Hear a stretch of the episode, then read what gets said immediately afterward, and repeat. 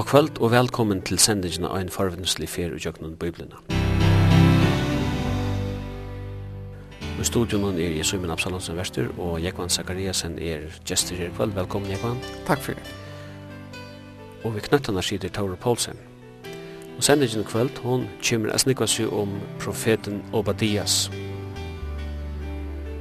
Bøgjen Obadias er styrsta bøgjen i biblina.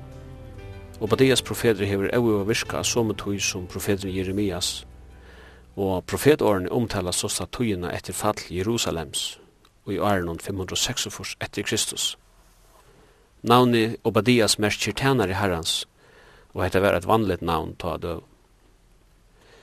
Båskabren og i bøgjene er at vrøyenar profetor møte Edom, og i vær brorfolk til Israel.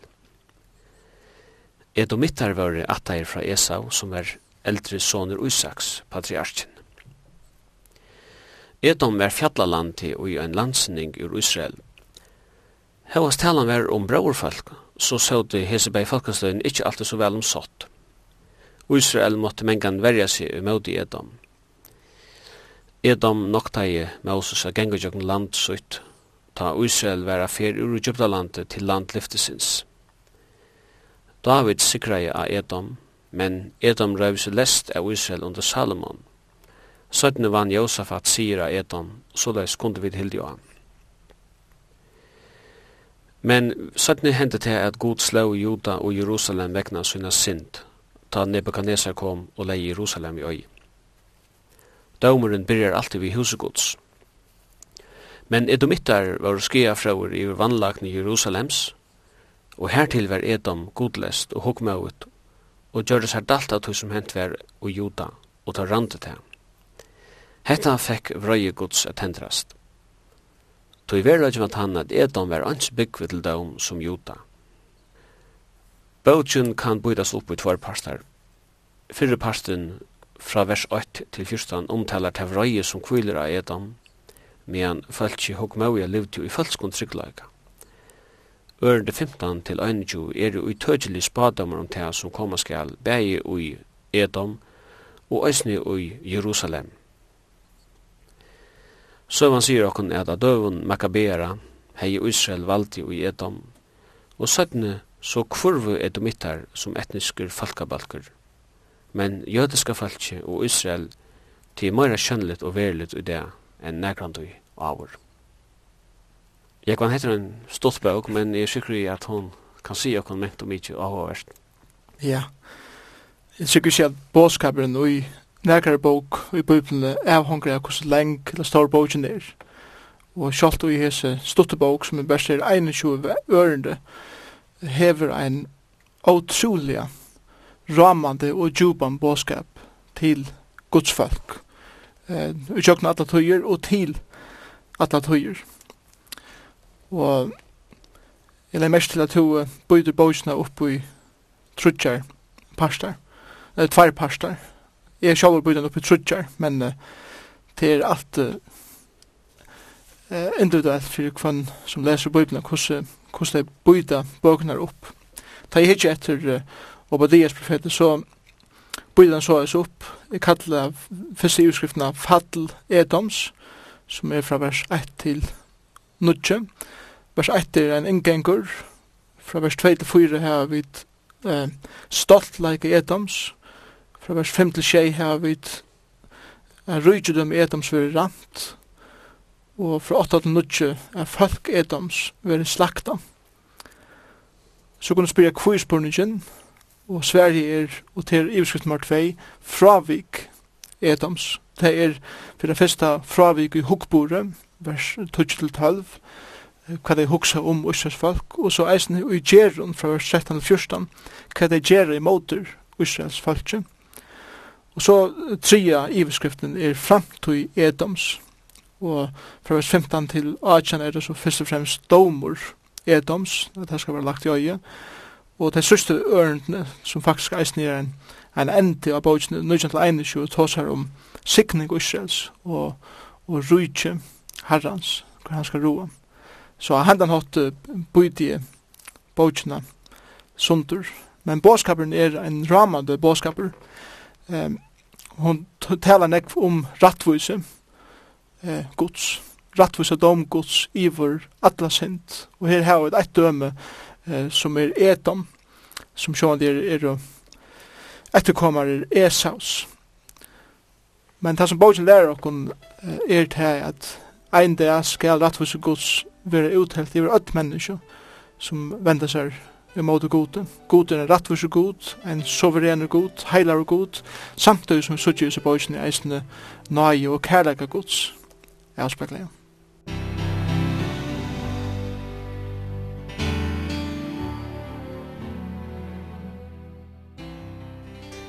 Ja, du nevnte det her om at uh, Edom var et hokk hokkmøvd folkaslag og jeg ser situasjonen som det var jo i. Og det er ferdig hoksa om dette her som har vi synd å gjøre. Vi mennesker, vi balkar ganske synd opp på uh, akkara mata. Og til sikkert gjerninger synd og gjeron. Men jeg god, uh, han ser jobber, han ser hjarta, han ser tankar. Og uh, her ser han mengt og mykje som, tes, som tek seg ytterlig ut i hans egen, men som mennesker slett ikke ser. Men her tar han ikke på et, et, et, et, et, et, et, det er en, en, en øyelig synd til Guds egen, da man leser skriftene. Men problemet er at det er en synd som ikke sjass så vel, mellom mennesker. Ja, Robert nevner det. Vi har ofte tatt oss om fyrre eisende det som uh, God sier ved Samuel, det han får leide etter David. Og han sier at God hikker ikke etter hus som er åttan nå, men han hikker etter hjertan. Og vi, tyverre, så sørger vi ikke en hjärsta av folk, eller tog bedre, kan man godt säga. Men tog verre eh, dømer vi folk etter hvordan det sørger ut utan nå. Vi er øyelig sjålt å sette folk i baser, etter alt hvordan det sørger ut, hvordan det tåser, hva for eh, bakgrunn det kommer fra, og så videre. Men god ser lengt for byen her, og han ser inn om okkara fasado, han ser inn i hjärsta, inn i tankarna. Og som du sier, hukmo er eit det er av tog som er anstikt fyrir gode. Og årtøysene sier at det er at ein av anstikten gods det er hukmo. Og vi leser her tre øren til Uja Badias at um, hukmo hjertatøyns hever dara til og det ser ut til at folk er størst, det ser ut til at uh, heva alt under kontroll, men det er dara i, og i sin egna hukmo, det er stoltleika. Og åri her hukmo og i, og hebraiska er zitt og eh, året merker at koka opp at få nekka opp er koka og til åhva verst nu tar jeg til prof profetåret er tala til etom tog at uh, året sitt eller koka opp er det året som, som eisen vil brukt i fyrst måsbok 25-20 hver uh, Jakob koka henne greiten han koka henne opp Esa vil de hava. Og det samme året som brukt er, du ert oppkokaur, du har du har eh, du ert opplåstur, er et år som vi brukar. Og en liten nål skal til, så brestet det. Og, og, og så er ser god på stoltleika.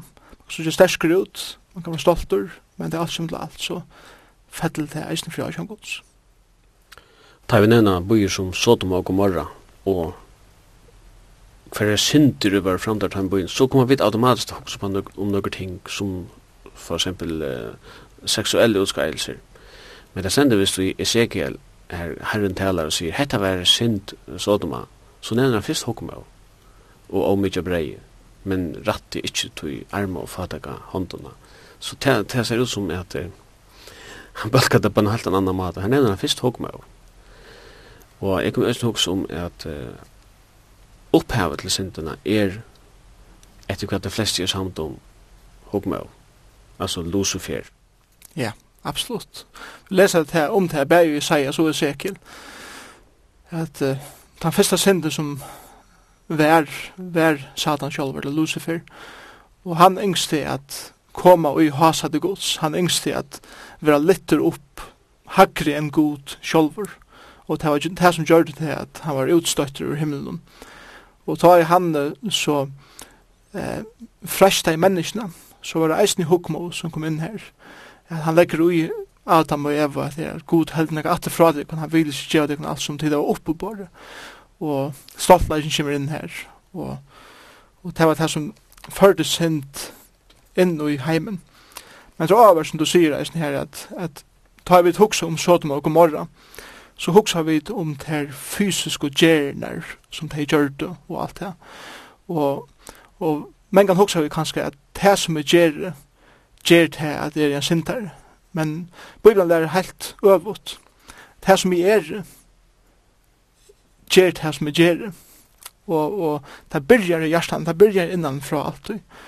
Og vi da eisne, som vi sier, Johan, vi da hod til a balka sinter, eller det som suttjast her her sier vi hatt det där center men här som är oskyldiga eh som lite under vanskorpen det har vi hur att han så det kanskje ikke rinkar men god åter vänta til hötti og sier, alt som du gest ut etter, börjar innanifra.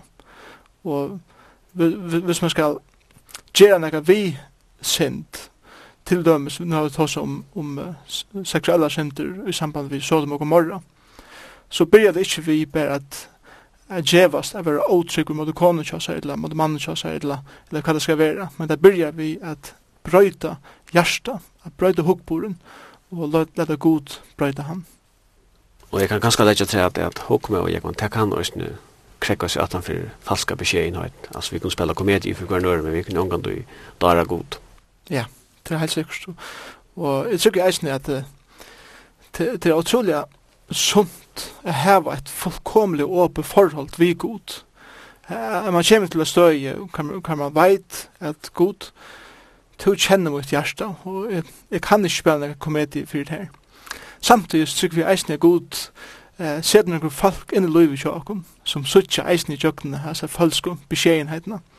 Og i min egna liv kan jeg bare tenke et døme som kone min, hun ser beina ved, eh, hvis jeg røyner at, at, at spela nekka som ikke er det og, og til bedre er, er en sånn typa som sier jeg kan også kjøles og, og, og spille her beint og være reeller. Og jeg, jeg tykker det er sunt og til antall av løyvene. Heva viner eller om det tjona felleie eller om til en eldste skaperen i samkommunen eller hva det så er som man veit at hæser suttja i kjøkkenet med. Og jeg kan være reeller, jeg kan være verlier i fyrtheimen og Hadde vi kunnet være åpnere på kornøren på handamannleisen, så tykker vi at samkomna og sjåkene hadde eh, være nekk reellere og ærligere enn det er i det. Så en tjona for kan være et hent rønkentøl? ja, absolutt.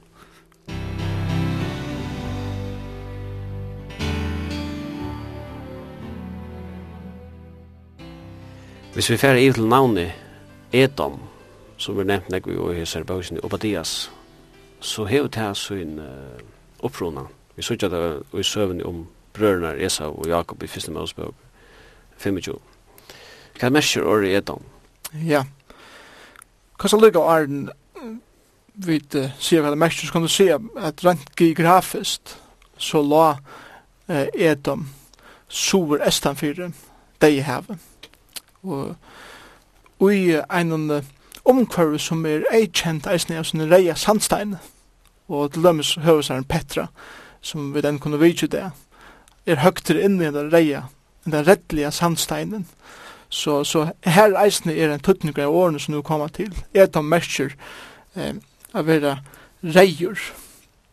Og det kommer fra 1. Mosebok 30, eh, at ta og Jakob koka i reian greit, så vil de Esav hevan.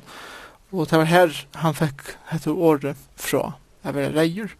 Men vi leser eisen i første mås på 25-25. Eh, ta etter er føtter, eh, tvillingene, eller tvoiborene, Jakob og Evsa. Jeg leser at han fyrre, vi kom, vær reier og lojen, som en skinnkappe om alle kroppen, og tar gå hon navnet Esau, som er ikke reier. Nå, steg som Esa flottet til, at han har fudgenskapen mellom han og Jakob sættene, som vi leser om i 1. Mosebok 36-8-9, er at seir, og det var navnet i høysen som han gav med som bøyden og i, i um, Edom, Estanfyrir, eller Sur Estanfyrir, deg heve. Nå, året seir som seir kommer av, mersker av reier, og til eisen et spel av åren om edom. Men vi brukar samme året til dem i 25 øren, i i fyrstmål 25 er vera lojen og til et annet år som lyst eklenek som er CR er vera lojen så, så Hetta er spela av åren, kan man godt eisen sige. Edom, Esav, Reijur, Seir, som blir høvest her nå i Edom, mest eisen er Reijur, og Seir, mest er vera lojen. Esa var reidamtur av lojen, og han ville heva den reia vettlingen, flottet til eit økje som var eh, eikjent av reion sandsteine, så det var seg at uh, st stått til spil i middelen her hva det henter. Så det er helt kjøtt, tøtning av etam er, er reier.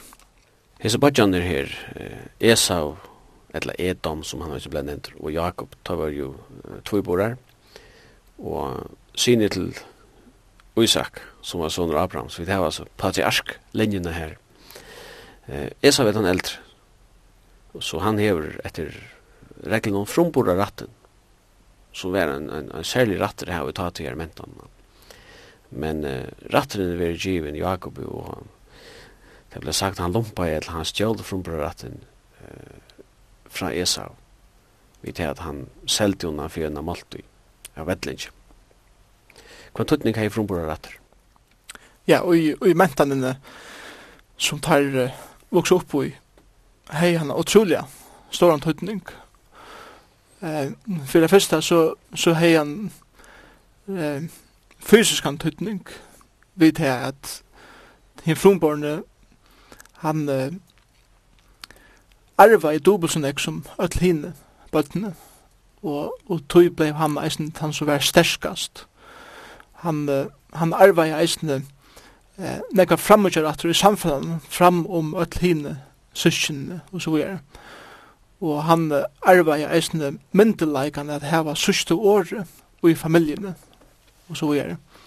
Han arva i eisende myndelaikene at vera antallige leiaren i familjene, at leia eh, familjene vujare eh, ui lovharrans, ui åri herrans. Så, så han er nekvar imiskar tøtningar. Og det som Esav gjer ta i han eh, selur frumbaratten er at sige alt det fra seg. Nega som god hei innsett skulle først at ur at. Teker han og sier, hva skal jeg lage ikke i?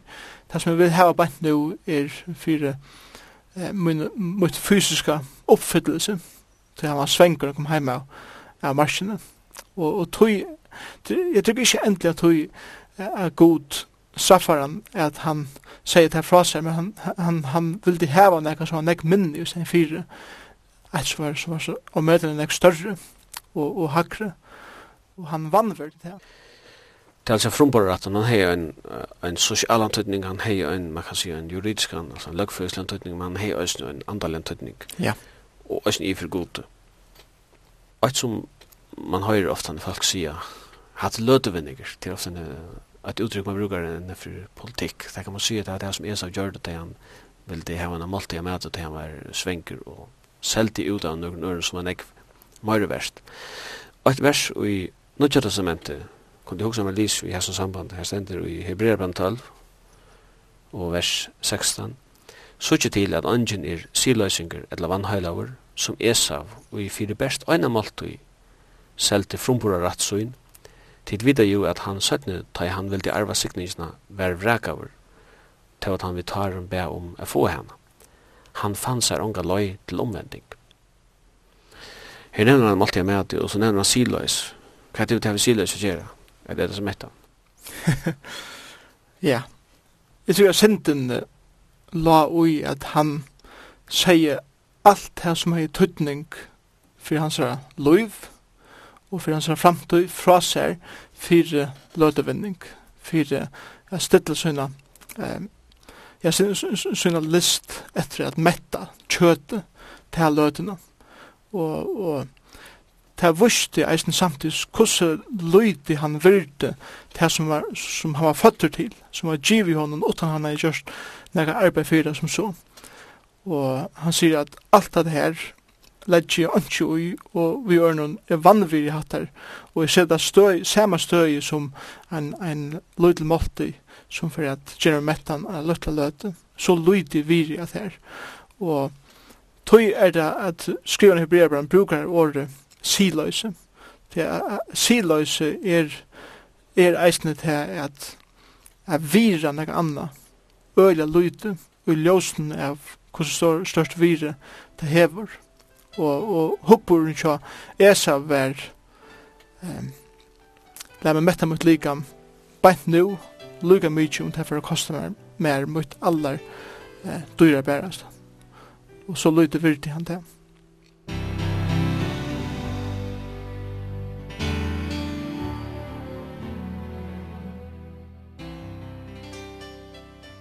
Og til er kanskje mennesker det som selja ut av andalig virun vi at hava et dolka seksualliv. Ja, det er nakað som vi sutja atter og atter, og til verri eisne tja tryggvande fólki at mengan om vi liva i synd om vi liva i vana synd så, så vannvira vi ta frelsna som okken er given og vi, vi vannvira god fyrir til verk som han har gjort av Golgata Krosset. Og vi sørger det eisne mengan eh, i familiesammanhengen at til dømes at et tjonarband kan være offre opp fyrir karrierina til dømes, eller bøten være pura glömt og forsømt tog jeg foreldrene er så opptrykkende sin karriere og sin, sin navne. Og parallellen her er tannet at eh, bøtten til dømes er givet nok nær gode som er så og medtallet døyre børst.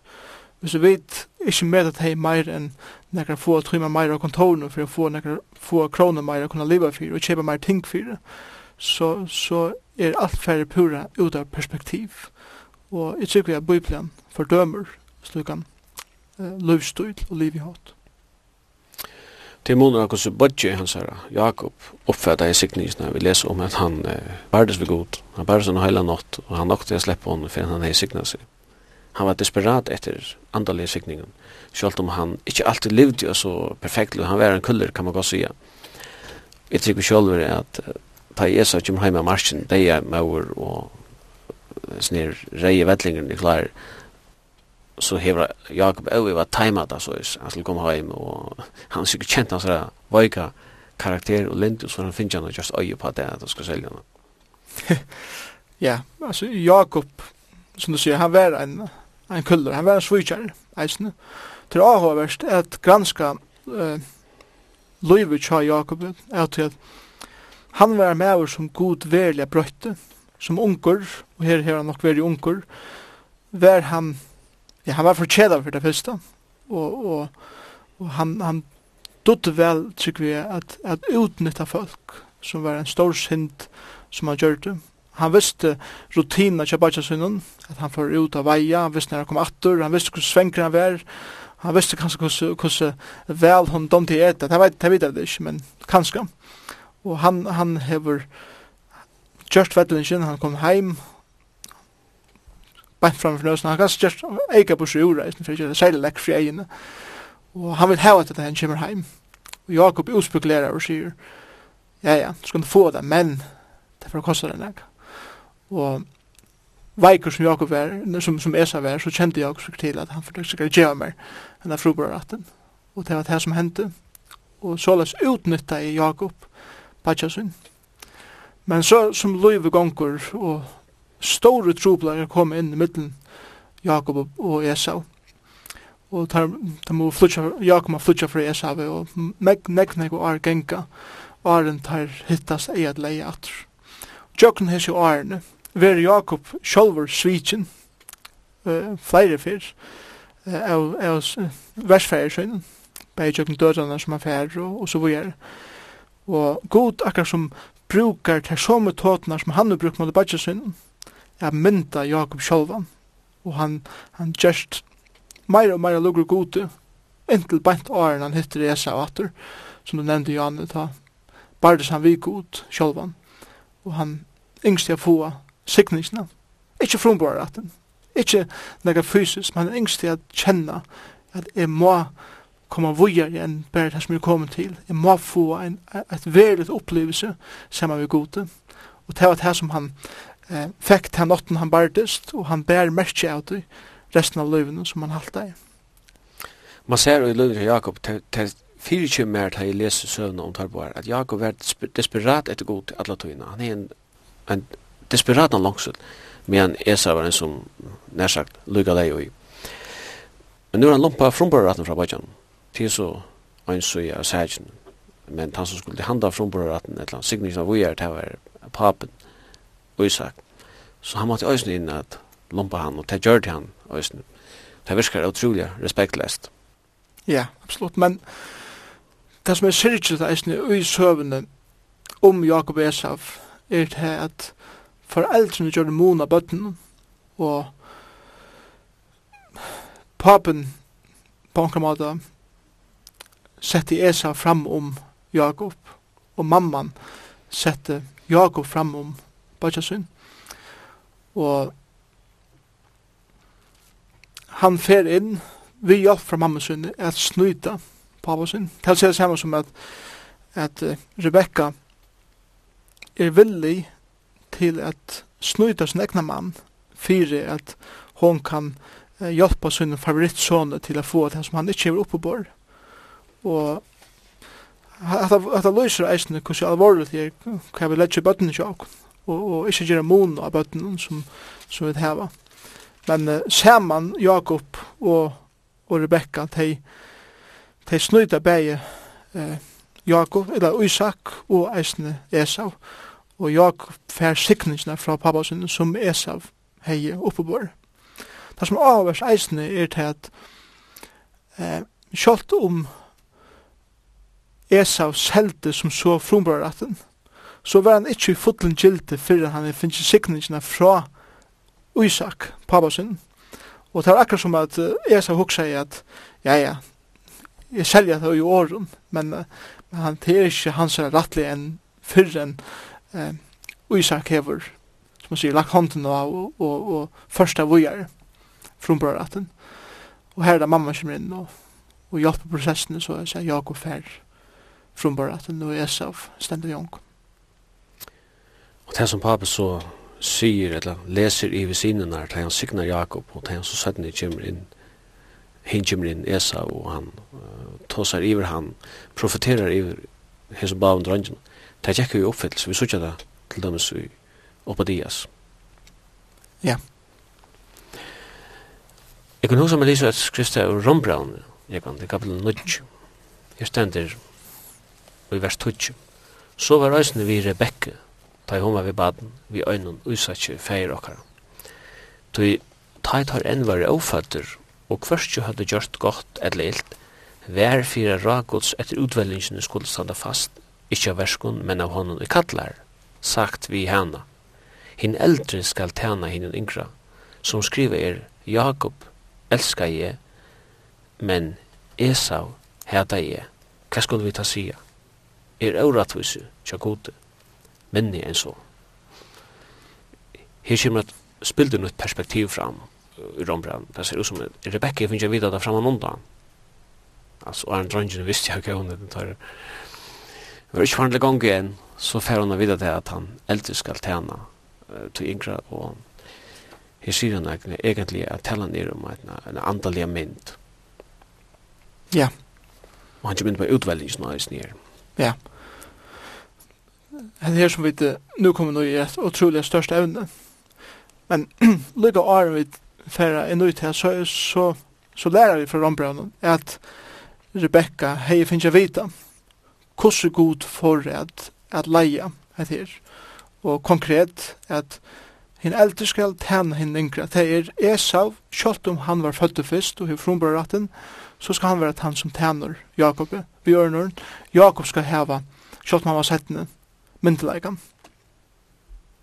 Hei Rebecca ikkje gjørst nega vi det sjolv, så hei trykker vi er god hei leita såleis, og alt hei fer fram og i frie, og, og, og en eller annan hatt høyde Jakob og jeg så har fri saman, vi kon annan, om god gjørda og sin hatt.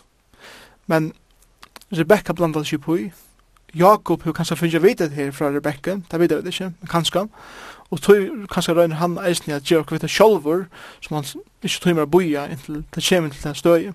Og det var ikke at ta i mennesker færre at blanda seg på i nega som god atlar.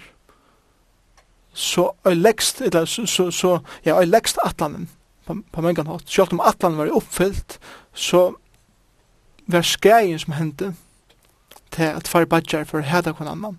Familie var sundur, sundur knustar og fraskildar og atali, at han atterlig hever fudgen der. Men uh, hvis det er ikke du gjørst, og bare det er god gjørst et arbeid, så tykker jeg vi det og i søvende til Israel haft, haft en helt ære søve og i middelen hessa bor brøverne. Altså Guds ra og atlan sikrar alt og under allan omstøvun, men hvis menneskene ikke hei blanda seg på i, så hei man ungen til seg skælig avleggingarna som ofta seg av. Jeg vil også gjøre rombraunen at Esav og Jakob er bøtjar, men at Esav er hæt av god, og Jakob er elskar. Og sitat i tidsjur Malakias 8, her stender Er ikke Esav og Jakob brøver, sier Herren, da elskar jeg Jakob, men Esav hæta jeg og gjør fjallansar til øyemørsk og arvhansara, sjakalun ur øyemørskene til bostad. Og jeg kan så spurninggren hæta god. Sverige her er, ja, og nei. Vi må skilja eh, til tøtningene av årene heta, og til heta et evne som har vært utrolig nekv omrøtt, ikke bare nå i nokre noen år, men i kjøkken 2000 år, av kyrkjø som kom så hever hesson spornugren være ekvelig nekv omrøtter, eh, beia til åkon og eisne av til vanlige mannen og gøtene nekva bøker har vært skriva her eh, om det og så videre. Så svær som vi tjever her vil et ekvile samanpakka svær. Men året er heta av hebraiskun og av og eisne av føreskun som så hever nekvar imiska søyer som vi må skilja. God hever en verilig heter ja, han hever en verlig anstikt, og tann heteren er, er malrattaur, og det er imot sint, først og fremst. God hever en heter imot sint, en anstikt imot sint. Vi leser dem i oppenberingene 2, og her er Jesus som taler til sankommene og hes for det sankommene i Efesus. Her sier han, men det hever til at du heter versk Nikolai tinna, og så ikke man inna hva det er, men det var en falsk lærer. Like mest til han sier at, at uh, han nevner ikke at du heter Nikolai at han er, altså menn som høyde til lærerne, men at du heter versk terra, så sier han som er hete vi.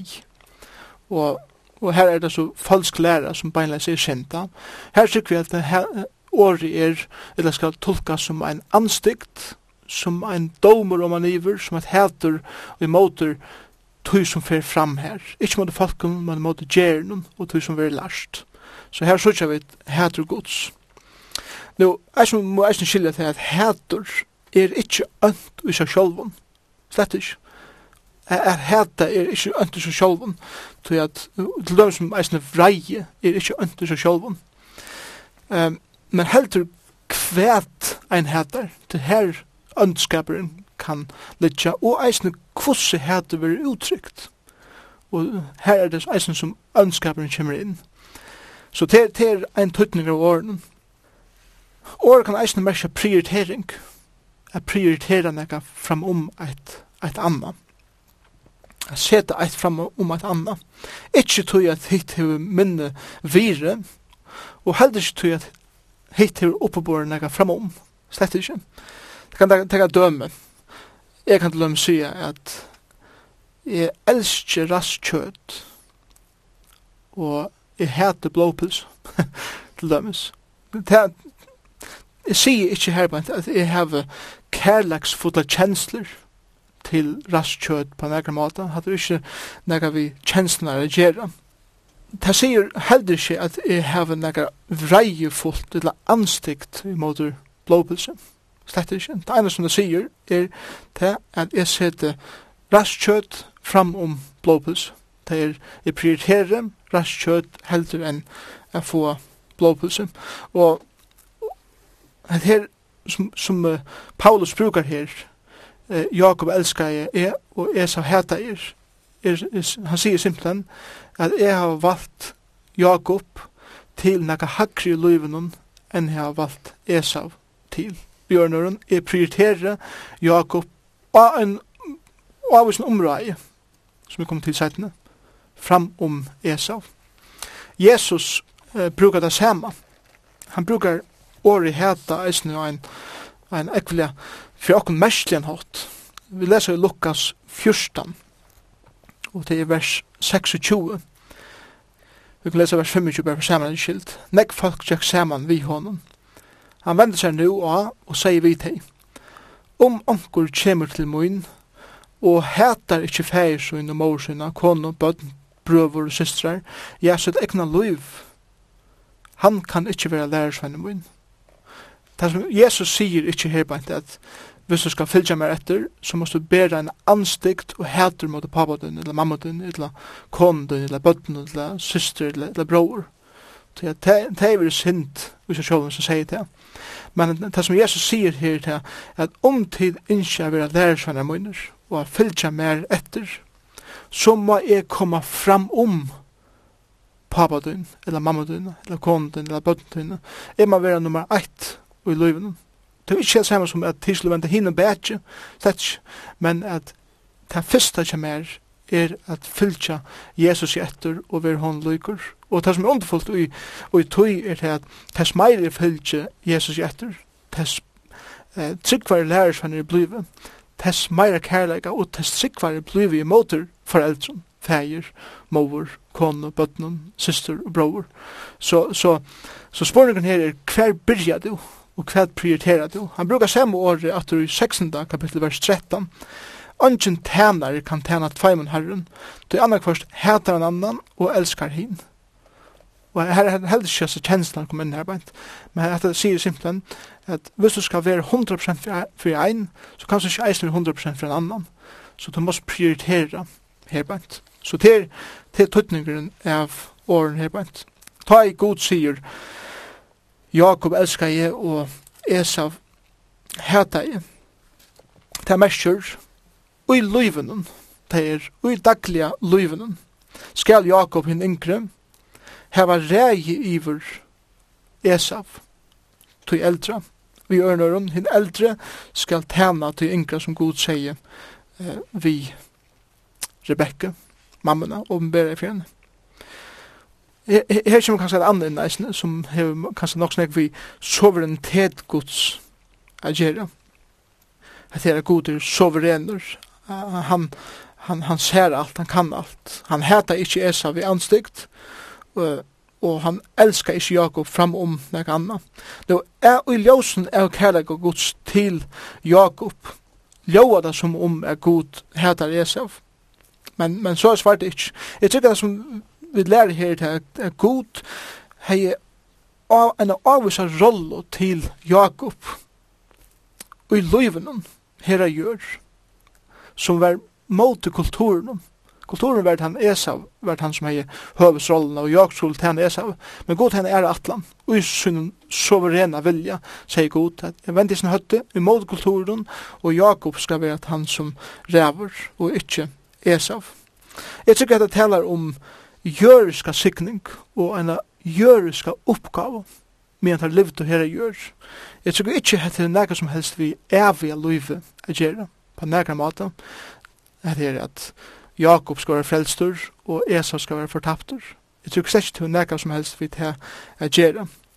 Og det samme vi er midten nå tar vi der og i jobber deres her bok. Er god, er god ikke prioritera i edom, mestjer ikke at edomittar ikke kunne være frelstur. Frelsan var eisen fyrt og vi personlig trygg kunne ta eisen få et evet liv. Og etter at at god prioritera Jakob til Israel, merker ikkje at Israels men ikkje tørva frelse. Men ta teimen tørva frelse lykka nek som öll ånder folkanslå. Og her er det gode suverener, han er ikkje ikke årettviser av negran åt. Og til det som han sier her reisende, og i 15. øren i Rombraunen, eh, nutje, vi leser, han sier jo Moses, jeg skal være hånden naivor, som er er naivor, og miskunne hånden, som er miskunne. Og vi lesa eisen jo i Øren Pelsbrau troi at god innskje at alt mennesker var frelst. Han innskje ikke nekar skal fære fortaptur. Så, så han er ekkert områdende at skilja det her. Rattvise gods kommer eisen inn. Ikke bare sånn så orientert gods, men eisen rattvise gods. Hva er rattvise gods? Det er det han dømer rattvist han personen etter til synd som han har gjort. Nå, no, all mennesker er syndarar. Öll mennesker er fortapt og hava rattvust oppebore straffgods. Og om god bæra vær rattvisur, så hadde öll mennesker fer fortapt. Ikkje eit menneske. Ikkje Jakob, ikkje Esav, ikkje nekar annar hei eh, kunne haft at løysa av gode. Öll hadde fer fortapt grunda av synd som er kommet inn i løyven. Men her er det en annen sida gos kommer inn. Han er soverener, han er rattviser, men han er eisen nøye ryker og kærlek kærlekvotter. Det som han sier her i 15. døren i Rambran, Jeg skal være honom nøyever, som er nøyever, og miskunne honom, som er miskunne. Nå, så er spørningen. God hever rett til at være nøyever for hver en som han vil. Men er god så ikke åretviser at bare noen, noen favon mennesker nøye vår så øren ikke. Men jeg hadde vist til å lese Rombrevet 9, 15 i ljósen av Johannes 3, 16. Og, og det som vi lærer her ta er tog så elsker god heimen, eller gav sånn som einbarna for hvert han tror han. Hvert han tror han. Han gav sånn for heimen. Det er öll mennesker. Så det som suttje i ljósen her er det god sier, at jeg har faktisk vært ødel menneske nøyver, vi er sendt min egna son og i heimen er dødja fire mennesker. Og ta man søtjas ut i ljósen, God hever åpenbæra kærlega søyn og nøye søyna og miskun søyna fyrir öllum menneskjen. Ongen er undantidsjen herbeint, det kommer til det evige løyve. Og Her kommer det inn at under suverenitet gods og fria vilja menneskjans, for jeg kom inn i det omrøy atter. Ødl er under kærlega gods, men samtidig heva ødl en avbyrd. Hvordan de sverer på henne kærlegan som er åpenbæra av eh, av gode. Og her må begynne vi å si at jeg og ønsken annar skiler av vi atlan gods. Ønsken av kun og i okkar æmarska sinne skilur soverenitet, rattvise, kærleika og heilaleika gods til fullnar. Det gjør vi ikke. Men så, så er så spurningren som eisen vi diskuterer så utrolig uh, ja, ja, så tror jeg at atali er, ja, men altså, god er suverener, han ræver, og til at, ja, men menneskene hever en frujan vilje, hever ikke, hever ikke frujan vilje, og det hever veri en kamper mellom kalinister og armenianister om hva, hva er det nu, altså Gud er suverener, så utvider han hver skal være frelser eller hver skal være fortapter, men henne sier jeg meg, altså folk har en fri vilje, så hvordan passer det alt sammen? Og Gud sier, sier i himmelen og trekker på smilbånden og sier, ha ha, det finnes ikke til det sjov, tog jeg Gud veit akkurat, og faktet er at jeg veit ikke. Men lukka så er det nekka mer, som jeg tykker vi kunne fylgja. Bibelen lærer greit, er god drever menneske til sin. Det er ikke jeg tøy. Vi ser ikke eisen til i 16. døren, og i Rambra Nudje, så ser det til så stendet det ikke til han i vil, ei heller til han i renner, men til god som miskunnar. Han er han som drever mennesker til sin. Og vi leser i, vi kan stå opp på Johannes, kapittel 6, bare for at hitje etter snir. Johannes 6, og vi kunne byrja fra vers 23, her sier Jesus, «Öll teg som fægeren djever mer, koma til mun». Så her er et døm på godet han som drever. 44. vers, «Ønsken kan koma til mun, og han fægir som sender meg, drever han». Lesa vidt. Og så vers 5, trus, eisne, um, Tøy var det sier til at han kan komme til min utan at jeg vil giv honom av færen. så det er ikke her at færen, han er han som drever mennesker til søgn først og fremst. Men for anna, så lær Bibelen eisen ekvela greit at det avhunker til ein og kvann ui i sin fria vilja at avgjera om han vil teka imot oss nere som god bjóvar eller ikke at menneskjen hever en frian vilja. Sjalt om tann viljen var eglan ek skatter og i fattelen, så syk vi at menneskjen enda det kan avgjera hva hun ikke fylgja. Og, og vi leser til dømes i uh, oppenberingsene 22 at menneskjen hever en frian vilja.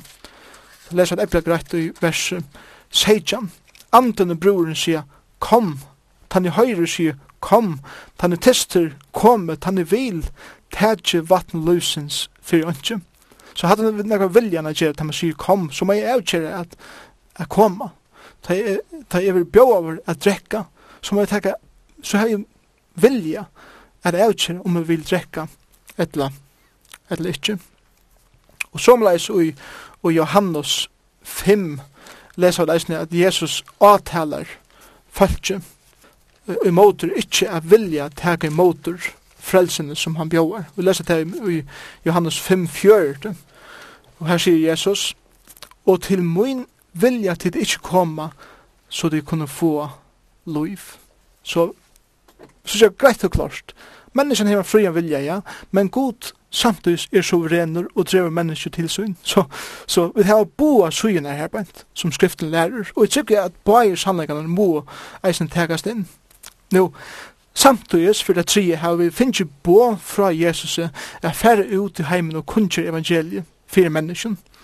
Og, til nekka som vi må gjøre eisen, til at hvis vi sier, som fem punkt kalvanister sier, at God har utvalgt folk å være frelst, og lukka mye som vi bor evangeliet litt, så vil det frelst, og God har utvalgt det. Og tog på oss ikke her nekka evangelisering, som jeg tykker vi er obibelst og, og pura skreft. Vi da finnes ikke bøyene at vi skulle føre ut av kunnskjer evangeliet.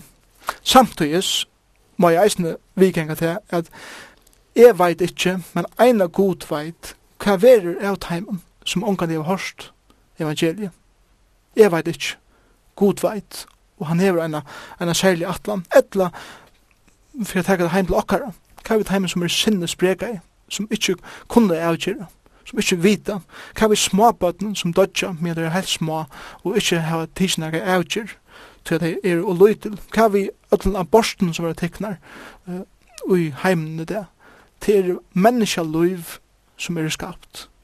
God hever en suverene atlan, vi kjenner han ikke, men jeg legger det bare fullkomlig iver og i herrans hendur. Så nyestøvan til hese versene som vi har tås om er hendan at God gjever okkon imiskar oppgaver i løyvenen og støy i løyvenen. Men i frelsene Og i velene av evanleikene stender opp til ein og kvann å velja, hvis hun er fria vilja. at om livet tjakon kan sutja øyli imist ut. God heter ikkje nega menneska, men i livet hun sier han, hatt og tøyne oppgave, det er tøyne oppgave, og hatt er hans oppgave, hitt er hennar oppgave, så vi er. Men i evnleikene er vi ødleit under kærleikan og nei gods. Jag tro ut att det värsta rombraunen är att Rebecca fikk jeg vita att den äldre skulle tänna til yngre. Det var för kallt gott at utväljning skulle standa fast som du hever inne på här vi, Att det är en utväljning, det kunne så inte komme til noen, selv om det var för smadranger. Onkel har sagt her att hvis du prøver på å forklare detta vi utväljning så mister du vite, og prøver du att bortförklara det så mister du trunna. Så det er en värld at det er en, en utvärdering. Och Efesos brev kapittel 8 tar om att vi är utvald hur Kristus er är heimren var grundaver.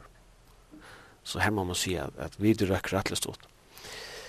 En mynd som er ångt det här vi har till er det her at hvis du fyrstiller deg en hår og det sender skriv på djuren komme du er alltid til røyer og så fyrt du inn i jökna hår til din vilje som gör att du fyrt inn og det er så kommer inn så stender jeg til det utvald.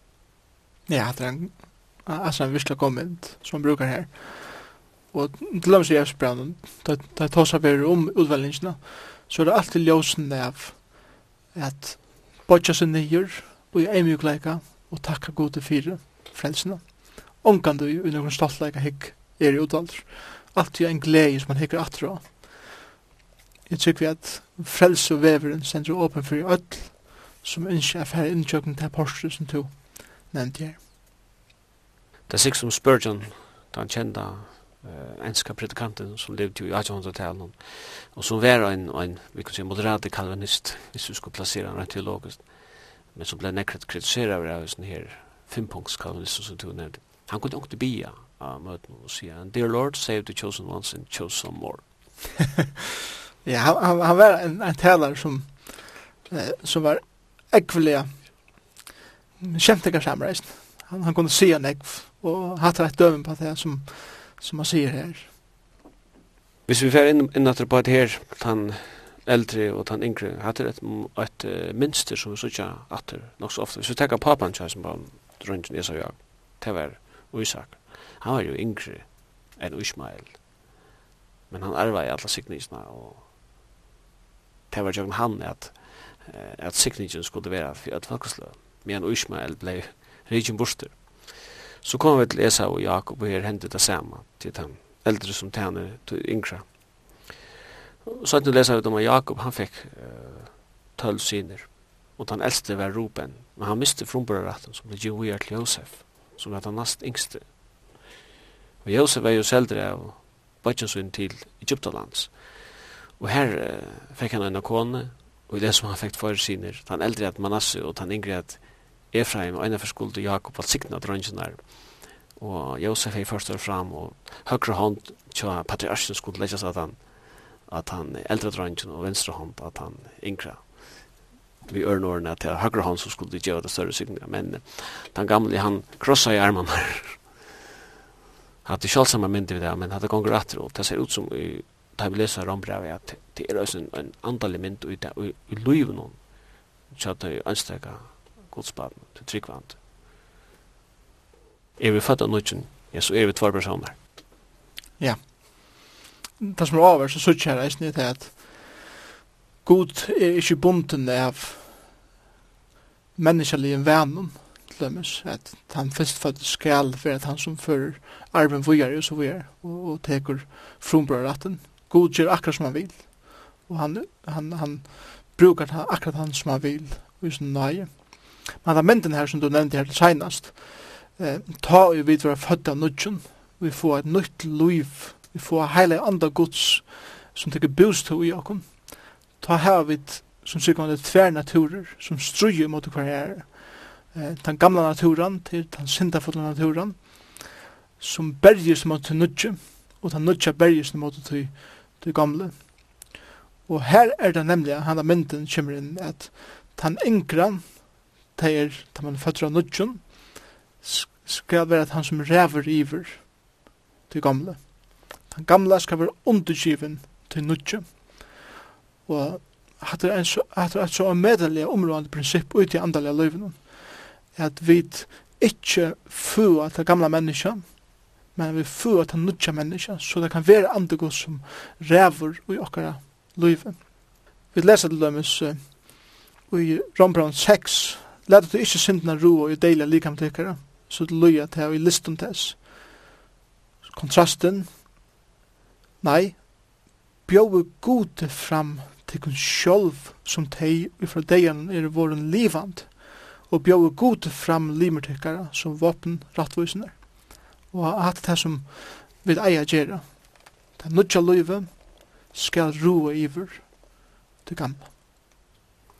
Hvis vi venter alltid til bøk Obadias her, så leser vi dem at her, tar føltes jo øyla trykkar, og tar var hokmauer som vi da var inne på. En av årsaken til at tar føltes i øyla trykkar, jeg kan ta at du tar levd i opphysen i fjallalanden, og og militært eller strategisk så, så sier man alltid at fjallaland det er ringt at uh, inntega og føra krutje med oss. Man kan bare nevne Afghanistan. Ja. Det tar, tar løttes unna sikkerhet og i fjallaland og i tarra geografiske omstøver. Og det var eit av, av hukma og hjertans som der høtte her i Obadias er bok. Obadias talar mot det tog, uh, og sier hukma og hjertans tog, sier vi dara til tusen bort i bergskåren, og her sier han til fjallarent, som sitter så høgt oppe, to som sier og hjertatunnen, hver er mentra støyda medle gjerrar. Og du så gjerst reier høgt oppe som ørnen, Ja, om det så er det just mittlen stjøttenar, skal jeg støyta de om en hene, sier Herren. Ta i tjóar koma til etter rannsmenn og nattar ja, hvordan verður du ikke lagt i øye, sannlega, tar færa stjæla, som nek som tar, som tar lister. Tar koma til som vilja hesta vunnsut, sannlega, løyde skal være er hesta etter tær. Så lesa vi til dømes uh, i sattørende, Hvordan verer ikke vi es, hvordan verer ikke es av rannsakar? Og hvordan verer ikke leite etter løntun skatten hans her? Løyke ut av landamarsen regat her til, atle her, som våre i fela i vid her, gover vinetøyner svitja til, og vera til og sterstyr. Mennene som er da breit ut, seta snerru fyrir til. Så det som herren lærer her er til at, at til halda til at ongen kan noa dikkun, ongen kan sikra dikkun, men trobeleidjen tja Petra, høvestanen, og tja fjallanentnær, er det at trobeleidjen kom innanifra, og fölkje som var parster av fölkjenum, vente seg imoter sin egna fölkje, og det var det som leie eh, landet søvelige og i ruiner, og utrutta i fullkomlige edamitter. Utgravningar det at her bera bo om det Ja, absolutt. Man kan feras til Petra enn det og det er en, en fantastisk utrolig opplevelse at, at være her. Men uh, Jeremias profeterer eisene i motor uh, Petra og eisene Isaias er og, og sier at her skulle råter være, her skulle råfuklar bygva. bygge. det første til Petra det er det akkurat det som jeg kjenner det stedet. Tar man hikker etter hva stuan vær av døven og badias her, tar jeg profeterer, så var det så jeg at er det mitt her tar det uttrykt, med Juta, Jerusalem, Israelitar, var plundrar av Babylonar. Så les hadde Israelaren det ikke gått med han, edomittaner tar var trykker. Hekk var en støvn i heimen og i det. Så edomittaner harvner, tar eksisterer ikke med en etnisk baltgru i det. Tar harvner, med han jødaner tar en verleid som alle heimen nøystest stand i fyr, det er jo daglig. Ja, absolutt. Grunden fyrir at edomittaner, er hornur vært hui at tar vendt seg mot Guds folk. Og vi leser det her i tutsjendøren, det er ikke at det fire ivergangsverstøyne mot brøren Jakoben, så det er Ushels folk, skal skam fjalla til. Og det som hender her, eh, rent søvlig, er det at er Jota ver, ver tidsju, vi krutju, etter mittaner hjelpa futsjendanen i stegin fire sin egna bror, og, og tar hjelp av er rena, tar hjelp av at fenka de som slipper undan, og tega de og føra de inn til fortjenten og så er Og god sier at fire til det vent til hver egna bror bætje, skulle tid til hesta, ta som tid hava soa. Og til 15. vers, som lærer oss til prinsippet, at det er likla verset, sier vi, eh, Tøy nær er det av herran, sier ötlen tjóun, som tu hefur gjørst, så skal være gjørst vid til. Versktunnen skulle falle atter og at du egna høtt. Og dette er det som hendte. Til lømmes eh, Edom rante fra eh, Jerusalem, 13. ørde. Satt ørde leser vi at Edom skal være rant. Vi leser at Edom tro på de som eh, flytja ur Jerusalem i 14. ørde. Og vi leser 8. ørde at Edom skal være dripe. Vi leser for det tida, og i fyrsten dør det at, at Israel var ivergivet til fortjentan av Edomitten. Og vi leser kjente ørende at, at skom skal komme iver til ekna høtt og tar skulle være um, kua i av sin egna. Og vi leser eisen talt ørende at Edomitten glettest iver fattel Israels og god sier i tusen ørende at at det fyrir til glædus, kan skom komme ut ikon. Så prinsippet her er, er simpelthen det at du skal hesta til som du soar. At det er ikke bare et prinsipp fyrir et mittar, at det er et prinsipp fyrir kvørst et menneske. Det som vi soa, skulle vi eisne hesta. Og profeten han enda vi at uh, profetera sikning i Israel uh, sattne tøy og dom iver Edom som stod bant i ansøk til testøvene han levde i uh, akkurat ta. Og annars så er uh, Ein aktuelle spurning i ætlensnir til er jeg kan kværsutja vi så Kristus og Jesu bausen. Ja. Jeg hadde vel å se Kristus tjøkken allan, atlan kapitlen, eller tjøkken atlan bausina. For det første så sutja vi rattvise gods, at han rattvis i sin domen. Vi så sutja heila leika, eh Kristus er eisne, at han leder seg ikke spotta, og han leder ikke folk så ut spotta. Men vi sutja det særlig kanskje i 21 åren til sørsta, ørnen. Her leser vi at frelsherrer skulle komme nyan av Sions fjöll og døma Esas fjöll. Og året frelsar her kan eisen omsettes eh, som domarar. Og etter taler rett søvelig at det skulle nekra menn komme nyan av Sions fjöll til her skulle få reia nudjon at den falskir falle og her skulle føra dom i Esa. Men, men ultimativt tar seg om frelsa ram som skal komme, og ikke bare frelsa Israel, men frelsa öll folk, og si at her er evet liv for ene kvann som vil trykva, og her er det sjåan vi sutja Jesus. Og så leser vi sista setningen i bókene, og rujtje skal høyra herran til, og dette talar eisne om eh, framtida rujtje hver Kristus skal roa, og i allar eivr skal koma som kongur kongarna og herre herrana. At ein dag skal Kristus fullkomlega styra öllum. Og ein dag skal kvart knæbøtja seg og kvart tunga skal jotta at Jesus Kristus er Herre, han er han som ræver og ungen annar. Og så er det båskapet okkar er at bak knøyne fyrir Kristus i det, jotta vi tunga den i det Jesus og bjónen inn ut ut loiv som din frelsara og som din herra. Det er ein dag skulle öll knøbøtja seg fyrir honom og måtte vi se at møvelagen bøtja seg er her og nu som frelsere og ikke standa framme for Kristus er en del som domar. Og i hessen åren så færer vi at takka fyrir okkon i linden i kveld. Jeg var sett av en stolt bæg så tjekk hessen tog med høysten kjøtt og vidt. For jeg sier takk fyrir Simon Absalonsen, vær studien sammen med Jekon Zakariasen og tekniker var Tauro Paulsen.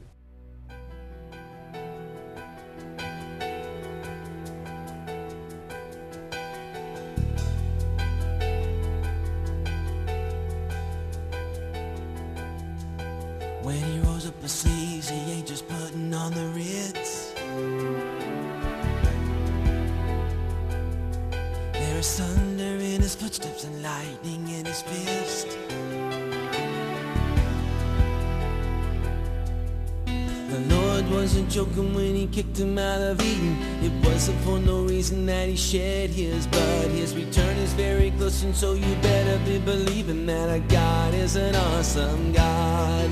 Our God is an awesome God. He reigns from heaven above with wisdom bar and dove. Our God is an awesome